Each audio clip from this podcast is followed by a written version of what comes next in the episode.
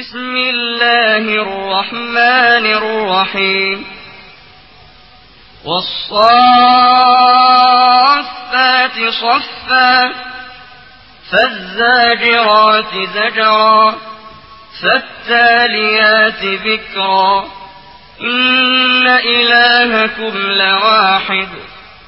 رب السماوات والأرض وما بينهما ورب المشارق అనంత కరుణామయుడు అపార కృపాశీలుడు అయిన అల్లాహ్ పేరుతో ప్రారంభిస్తున్నాను వరుసగా బారులు తీరి నిలబడేవారు సాక్షిగా గద్దించేవారు శపించేవారు సాక్షిగా హితబోధ వాక్కులు వినిపించేవారు సాక్షిగా మీ నిజమైన ఆరాధ్య దైవం కేవలం ఒక్కడే ఆయన భూమికి ఆకాశాలకు భూమ్యాకాశాలలో ఉన్న సమస్తానికి ప్రభు తూర్పు దిక్కులన్నింటికీ ప్రభు إنا زينا السماء الدنيا بزينة الكواكب وحفظا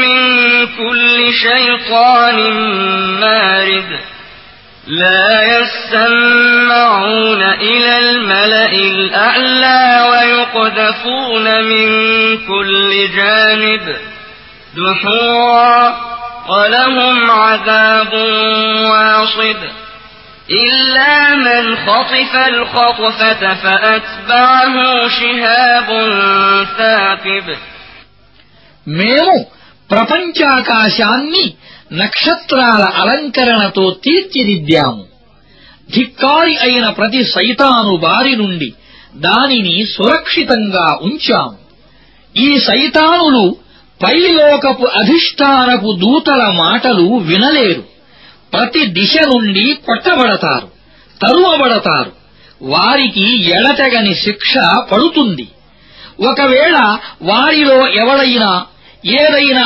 మాటను ఎగరేసుకుపోతున్నప్పుడు ఒక తీక్షణమైన అగ్ని జ్వాల అతడిని వెంటాడుతుంది فاستفتهم أهم أشد خلقا أم من خلقنا إنا خلقناهم من طين لازب بل عجبت ويسخرون وإذا ذكروا لا يذكرون وإذا رأوا آية يستسخرون وقالوا إن هذا إلا سحر مبين أإذا متنا وكنا ترابا وعظاما أإنا لمبعوثون أوآباؤنا الأولون قل نعم وأنتم داخرون ఇప్పుడు వారిని అడగండి వారిని సృష్టించటం కష్టతరమా లేక మేము సృష్టించిన ఈ సకల చరాచరాలను సృష్టించడం కష్టతరమా అని. వారిని మేము జిగురు వంటి మట్టితో సృజించాము. మీరు అల్లాహ్ శక్తి సామర్థ్యాల మహిమలను చూసి ఆశ్చర్యచకితులవుతున్నారు. వారేమో పరిహసిస్తున్నారు. ఎంత నచ్చజెప్పినా వారు చెవికెక్కించుకోరు. ఏదైనా సూచనను చూస్తే వారు దానిని ఎగతాళి చేసి ఎగురగొడతారు. ఇలా అంటారు. ఇది పూర్తిగా మాయాజాలమే. కాకపోతే మేము చనిపోయి మట్టిగా మారి అస్థిపంజరంగా మిగిలిపోయినప్పుడు మళ్ళీ మమ్మల్ని బ్రతికించి లేపటం జరిగే పనేనా? పూర్వకాలం నాటి మా తాత ముత్తాతలు సైతం లేపబడతారా? వారితో అవును లేపబడతారు మీరు దేవుని ముందు నిస్సహాయుడు అని అను فإنما هي زجرة واحدة فإذا هم ينظرون وقالوا يا ويلنا هذا يوم الدين هذا يوم الفصل الذي كنتم به تكذبون احشروا الذين ظلموا وأزواجهم وما كانوا يعبدون من دون الله فاهدوهم إلى صراط الجحيم وقفوهم إنهم مسؤولون ما لكم لا تناصرون بل هم اليوم مستسلمون وأقبل بعضهم على بعض يتساءلون قالوا إنكم كنتم تأتوننا عن اليمين قالوا بل لم تكونوا مؤمنين وما كان لنا عليكم من سلطان بل كنتم قوما طاغين فحق علينا قول ربنا إنا لذائقون فأغويناكم إنا كنا غاوين అది కేవలం ఒక పెద్ద గద్దింపు మాత్రమే హఠాత్తుగా వారు తమకు తెలుపబడుతూ ఉన్న విషయాలనన్నింటినీ కళ్ళారా చూస్తూ ఉంటారు. అప్పుడు వారు మేమెంత దౌర్భాగ్యులం? ఇది తీర్పు దినం కరా అని అంటారు. మీరు తిరస్కరిస్తూ ఉండే తీర్పు దినమే ఇది. ఆజ్ఞ అవుతుంది. దుర్మార్గులందరినీ వారి సహచరులను దేవుణ్ణి కాదని వారు ఆరాధిస్తూ ఉండిన దైవాలను చుట్టుముట్టి తీసుకురండి. తరువాత వారందరికీ నరకానికి దారి చూపండి. కాస్త వారిని ఆపండి. ఒక విషయం అడగాలి. ఏమైంది మీకు? ఇప్పుడెందుకని ఒకరికొకరు సహాయం చేసుకోరు? అరే ఈరోజు వారు తమను తాము అప్పగిస్తున్నారేమిటి? ఆ తరువాత వారు ఒకరి వైపునకు మరొకరు తిరిగి పరస్పరం వాదించుకోవటం ప్రారంభిస్తారు. అనుచరులు తమ నాయకులతో ఇలా అంటారు. మీరు మా వద్దకు కుడివైపు నుండి వచ్చేవారు. వారు సమాధానం ఇస్తారు. అది కాదు అసలు మీరే విశ్వసించేవారు కారు. మీ మీద మాకు అధికారం లేదు. మీరు సహజంగానే తలవిరుసువాళ్ళు చివరకు మీరు తప్పకుండా యాతనను చవిచూస్తారు అని మా ప్రభువు అన్న మాటకు మేము అర్హులమైపోయాము. కనుక మేము మిమ్మల్ని మార్గభ్రష్టులుగా చేశాము స్వయంగా మేము కూడా మార్గభ్రష్టులమయ్యే ఉన్నాము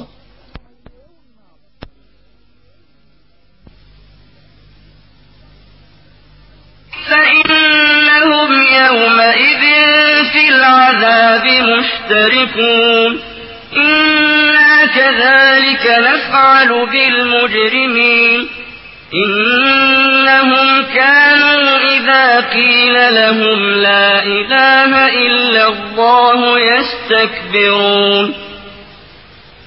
ويقولون أئنا لتاركو آلهتنا لشاعر مجنون.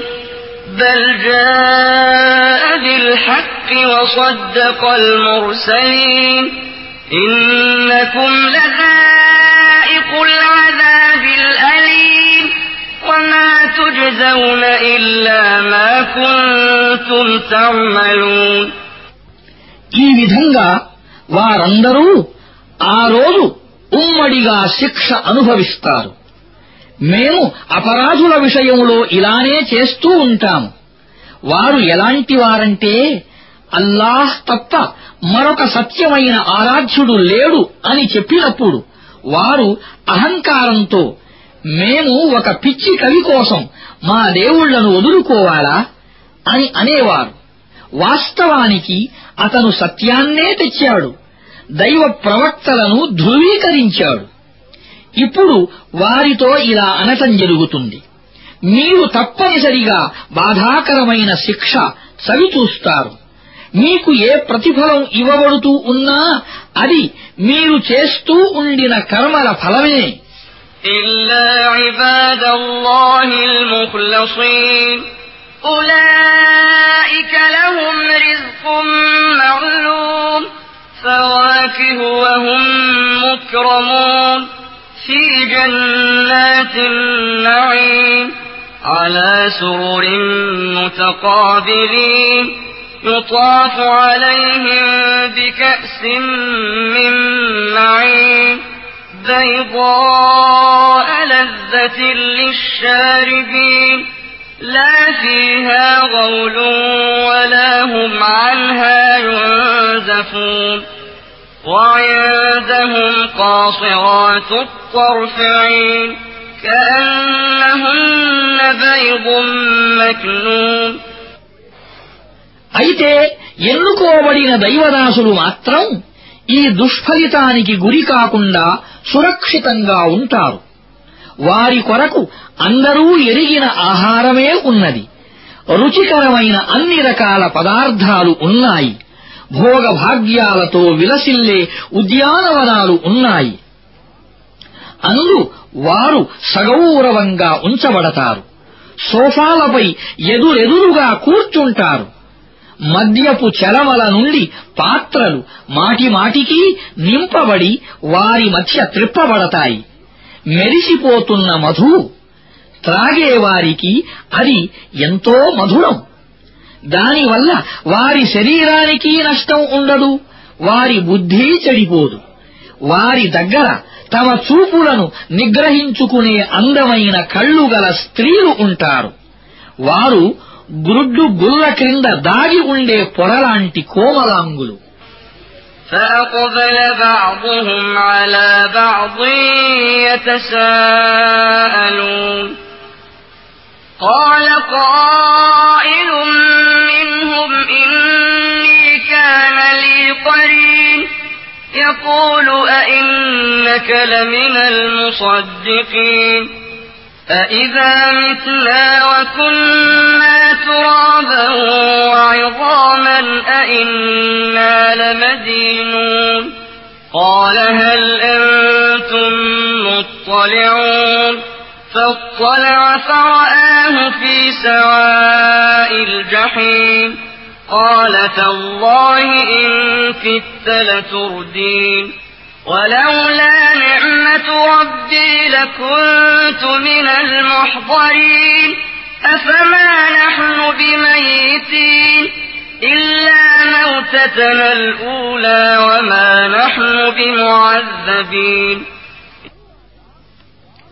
తరువాత వారు ఒకరి వైపునకొకరు తిరిగి పరిస్థితులను గురించి పరస్పరం అడిగి తెలుసుకుంటారు వారిలో ఒకడు ఇలా అంటాడు ప్రపంచంలో నాకు ఒక మిత్రుడు ఉండేవాడు.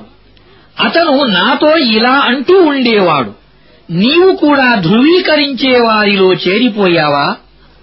మనం చనిపోయి మట్టిగా మారి అస్థిపంజరంగా మిగిలిపోయినప్పుడు నిజంగానే మనకు ప్రతిఫలము శిక్ష అనేవి ఉంటాయా? ఇప్పుడతను ఎక్కడున్నాడో మీరు చూడదలుచుకున్నారా? ఇలా చెప్పి అతను తొంగి చూడగాని అతనికి నరకంలోని ఒక అగాధములు అతను కనిపిస్తాడు. అప్పుడు అతన్ని సంబోధిస్తూ ఇలా అంటాడు దేవుని సాక్షిగా నీవు నన్ను సర్వనాశనం చేసి ఉండేవాడివి.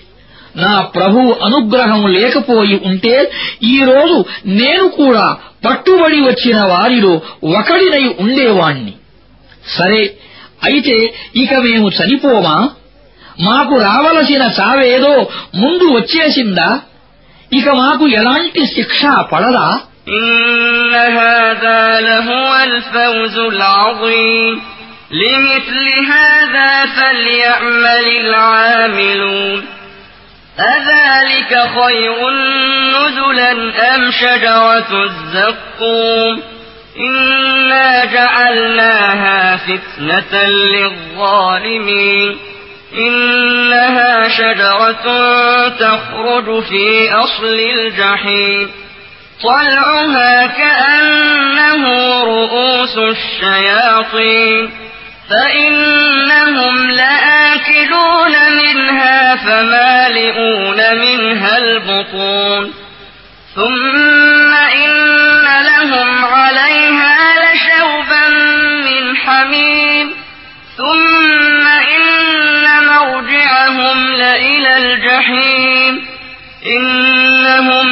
نفوا آباءهم ضالين فهم على آثارهم يهرعون ولقد ضل قبلهم أكثر الأولين ولقد أرسلنا فيهم منذرين فانظر كيف كان عاقبة المنذرين إلا عباد الله المخلصين నిశ్చయంగా ఇదే మహత్తరమైన విజయం ఇలాంటి విజయం కోసమే కర్మశీలురు కర్మలు చేయాలి చెప్పండి ఈ ఆతిథ్యం మంచిదా లేక రాకాసి జముడు చెట్టు ఆతిథ్యం మంచిదా మేము ఆ చెట్టును దుర్మార్గుల పాలిటి పరీక్షగా చేశాము అది నరకం అడుగు భాగం నుండి మొలిచే చెట్టు. దాని మొగ్గలు సైతానుల తలలు మాదిరిగా ఉంటాయి. నరకవాసులు వాటిని తింటారు. వాటితోనే కడుపు నింపుకుంటారు. అదీగాక త్రాగటానికి వారికి సలసల కాగే నీరు లభిస్తుంది. ఆ తరువాత వారు మళ్ళీ నరకాగ్ని వైపునకే తిరిగి వస్తారు. తమ తాత ముత్తాతలు మార్గభ్రష్టులవటాన్ని చూసినప్పటికీ వారి అడుగుజాడలలోనే పరుగెత్తిన వారు వీరే. వాస్తవానికి వారికి పూర్వం కూడా చాలా మంది మార్గభ్రష్టులైపోయారు. వారి వద్దకు మేము హెచ్చరిక చేసే సందేశహరులను పంపాము. ఇక చూడండి హెచ్చరించబడిన వారి పర్యవసానం ఏమైందో. ఈ దుష్పరిణామం నుండి అల్లాహ్ తన కొరకు ప్రత్యేకించుకున్న దాసులు మాత్రమే సురక్షితంగా ఉన్నారు ولقد نادانا نوح فلنعم المجيبون ونجيناه وأهله من الكرب العظيم وجعلنا ذريته هم الباقين وتركنا عليه في الآخرين سلام على نوح في العالمين إنا كذلك نجزي المحسنين إنه من عبادنا المؤمنين ثم أغرقنا الآخرين మమ్మల్ని ఇంతకు పూర్వం నూహ్ వేడుకున్నాడు కనుక చూడండి మేము ప్రార్థనలకు ఎంత మంచి సమాధానం ఇచ్చేవారమో. మేము అతనిని అతని కుటుంబాన్ని పెద్ద విపత్తు నుండి కాపాడాము. అతని సంతతి మాత్రమే మిగిలి ఉండేలా చేశాము. ఇంకా తరువాతి తరాల వారిలో అతని కీర్తి ప్రతిష్టలు నిలిచి ఉండేలా చేశాము. సమస్త ప్రపంచవాసులలో నూకు శాంతి కలుగుగాక.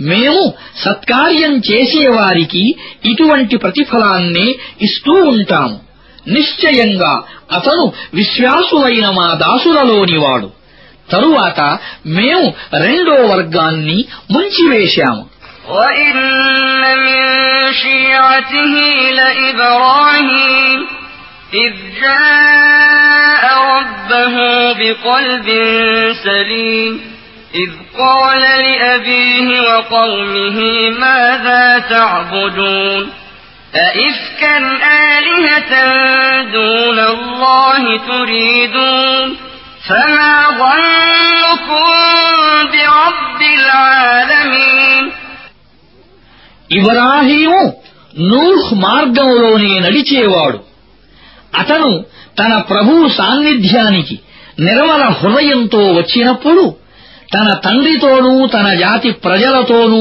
ఇలా అన్నాడు మీరు ఆరాధిస్తున్న ఈ వస్తువులేమిటి అల్లాను కాదని మీరు మిథ్యాదైవాలను కోరుకుంటున్నారా అసలు సకల లోకాల ప్రభు విషయంలో మీ అభిప్రాయమేమిటి فنظر نظرة في النجوم فقال إني سقيم فتولوا عنه مدبرين فراغ إلى آلهتهم فقال ألا تأكلون؟ ما لكم لا تنطقون؟ فراغ عليهم ضربا باليمين فأقبلوا إليه يزفون. قال أتعبدون ما تنحتون؟ والله خلقكم وما تعملون. قالوا ابنوا له بنيانا فألقوه في الجحيم فأرادوا به كيدا فجعلناهم الأسفلين ఆ తరువాత అతను తన దృష్టిని నక్షత్రాల వైపు సారించి వారితో నా ఆరోగ్యం బాగాలేదు అని అన్నాడు అందువల్ల వారు అతనిని వదిలిపెట్టి వెళ్ళిపోయారు వారు వెళ్ళిన తరువాత అతను మెల్లగా వారి దేవుళ్ళ ఆలయములోకి దొరబడి మీరు తినరేమిటి? అసలు ఏమైంది మీకు? మీరు పలకను కూడా పలుకుటలేదే? అని అడిగాడు. ఆ తరువాత అతను వాటిపై విరుచుకుపడి కుడి చేత్తో వాటిని గట్టిగా కొట్టాడు. వారు తిరిగి వచ్చి అతని వద్దకు పరుగెత్తుకుంటూ వచ్చారు. అప్పుడు అతను ఇలా అన్నాడు స్వయంగా మీరే చెక్కుకున్న వస్తువులను మీరు పూజిస్తారా? వాస్తవానికి అల్లాయే మిమ్మల్ని సృష్టించాడు. మీరు తయారు చేసే వస్తువులను సృష్టించాడు.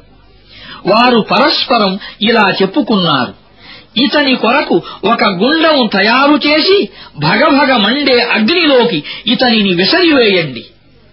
వారు అతనికి ప్రతికూలంగా ఒక చర్య తీసుకోదలిచారు కాని మేము వారినే మట్టి కనిపించాము وقال إني ذاهب إلى ربي سيهدين رب هب لي من الصالحين فبشرناه بغلام حليم فلما بلغ معه السعي قال يا بني إني أرى في المنام أني أذبحك فانظر ماذا ترى. قال يا أبت افعل ما تؤمر ستجدني إن شاء الله من الصابرين.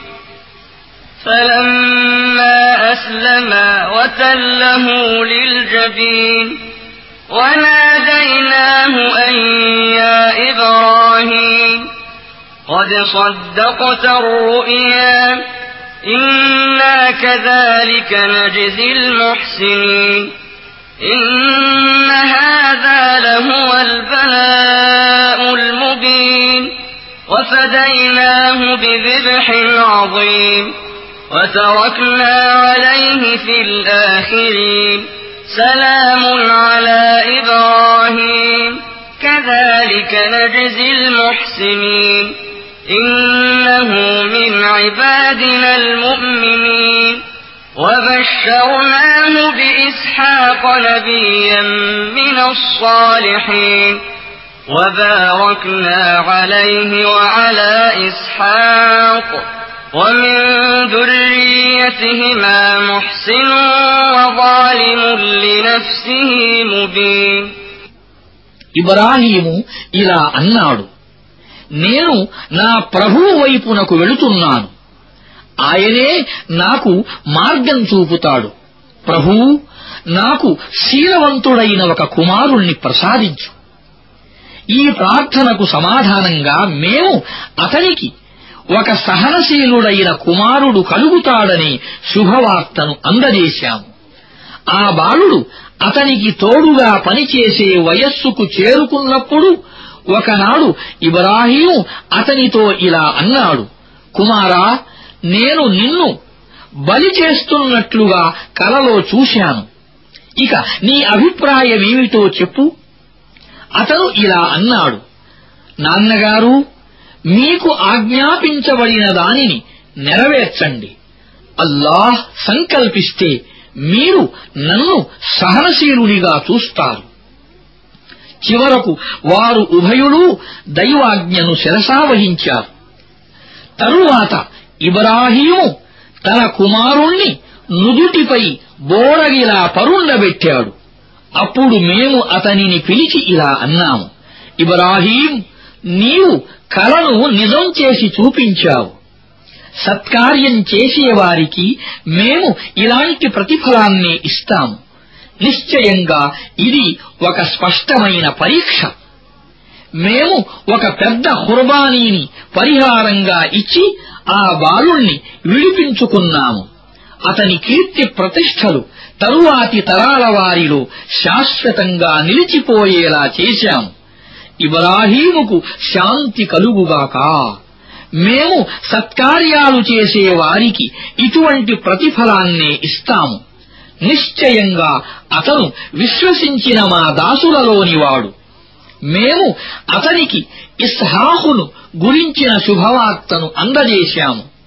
అతను ఒక దైవ ప్రవక్త సజ్జనులలోనివాడు అతనికి ఇస్హాహ్కు మేము శుభాలను ఇచ్చాము ఇప్పుడు వారిద్దరి సంతతిలో ఒకడు సత్క్రియాశీలుడైతే మరొకడు స్పష్టంగా తన ఆత్మకు ద్రోహం చేసుకున్నవాడు ولقد مننا على موسى وهارون ونجيناهما وقومهما من الكرب العظيم ونصرناهم فكانوا هم الغالبين وآتيناهما الكتاب المستبين وهديناهما الصراط المستقيم وتركنا عليهما في الآخرين سلام على موسى وهارون إنا كذلك نجزي المحسنين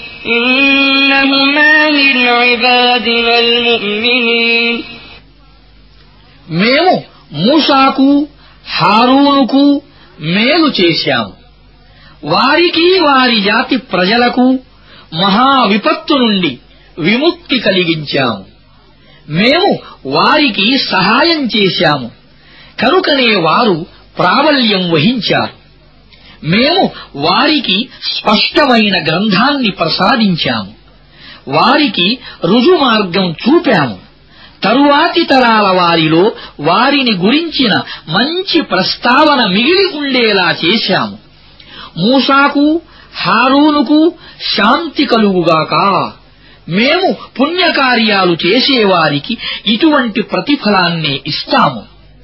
నిశ్చయంగా వారు విశ్వాసులైన మా దాసులలోని వారు وإن إلياس لمن المرسلين إذ قال لقومه ألا تتقون أتدعون بعلا وتذرون أحسن الخالقين الله ربكم ورب آبائكم الأولين فكذبوه فإنهم لمحضرون إلا عباد الله المخلصين وتركنا عليه في الآخرين سلام على إلياسين إنا كذلك نجزي المحسنين إنه من عبادنا المؤمنين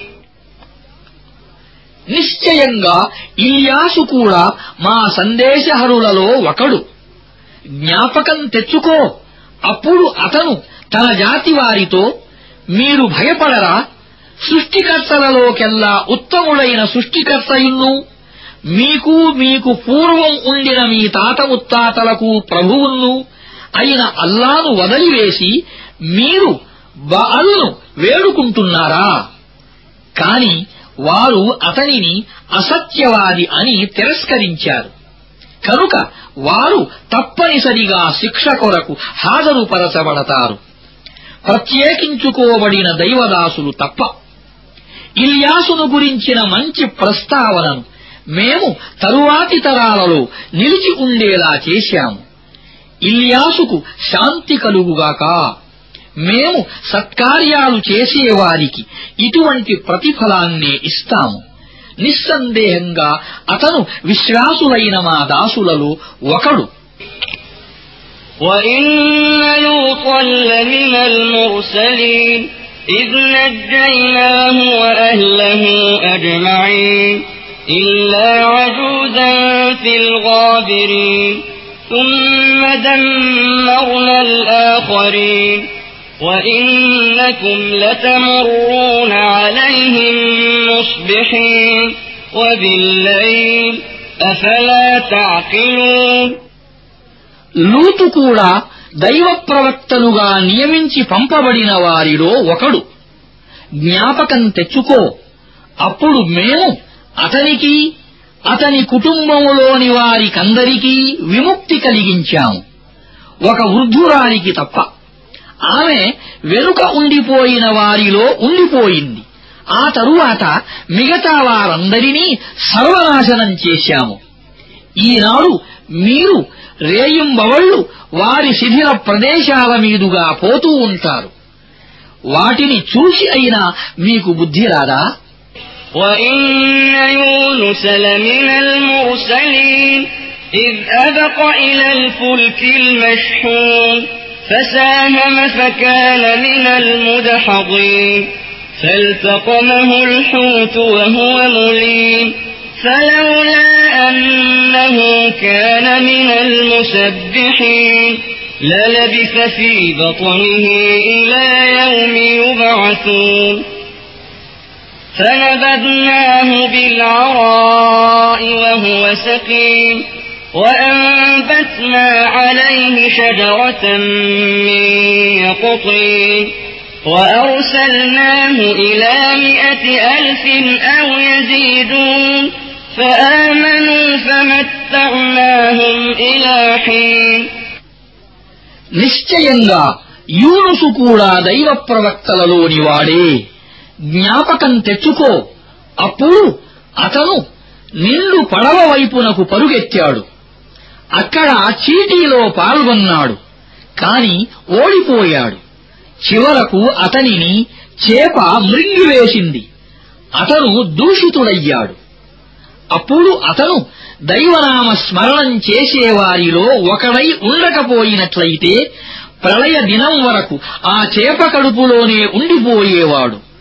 చివరకు మేము అతనిని తీవ్ర అస్వస్థ స్థితిలో ఒక తీర మైదానం మీద పడవేశాము అతని మీద ఒక తీగల చెట్టును ములిపించాము ఆ తరువాత మేము అతన్ని ఒక లక్ష లేక అంతకంటే ఎక్కువ మంది ప్రజల వద్దకు పంపాము వారు విశ్వసించారు మేము ఒక నిర్ణీత కాలం వరకు వారు జీవించి ఉండేలా చేశాము فاستفتهم ألربك البنات ولهم البنون أم خلقنا الملائكة إناثا وهم شاهدون ألا إنهم من إفكهم ليقولون من إفكهم ليقولون ولد الله وإنهم لكاذبون أصطفى البنات على البنين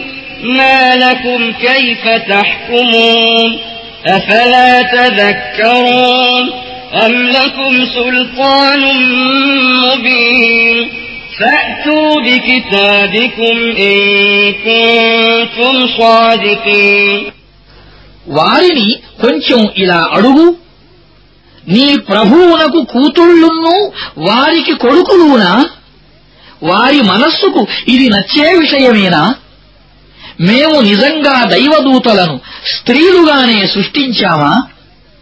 వారు కళ్ళతో చూసిన విషయాన్నే పలుకుతున్నారా? బాగా విను.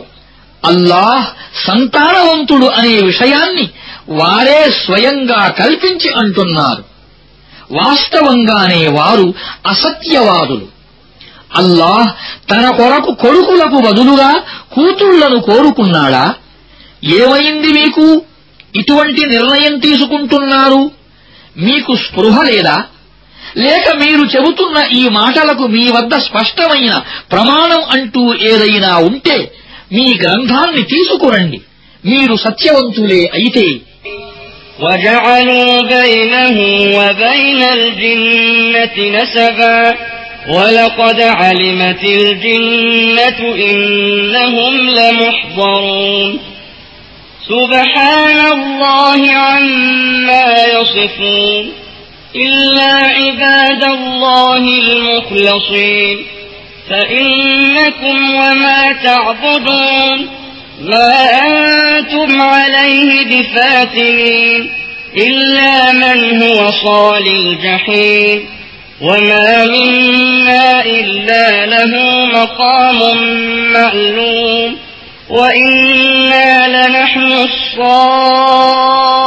الصافون وإنا لنحن المسبحون వారు అల్లాకు దైవదూతలకు మధ్య రక్త సంబంధాన్ని కల్పించారు వాస్తవానికి వారు నేరస్తులుగా ప్రవేశపెట్టబడేవారని దైవదూతలకు బాగా తెలుసు ఈ దైవదూతలు ఇలా అంటారు. ఆయన విశుద్ధ దాసులు తప్ప ఇతరులు తనకు ఆపాదించే గుణగణాల నుండి అల్లాహ్ పరిశుద్ధుడు.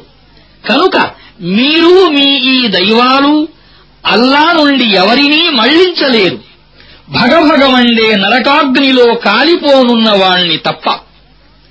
మా పరిస్థితి ఇది.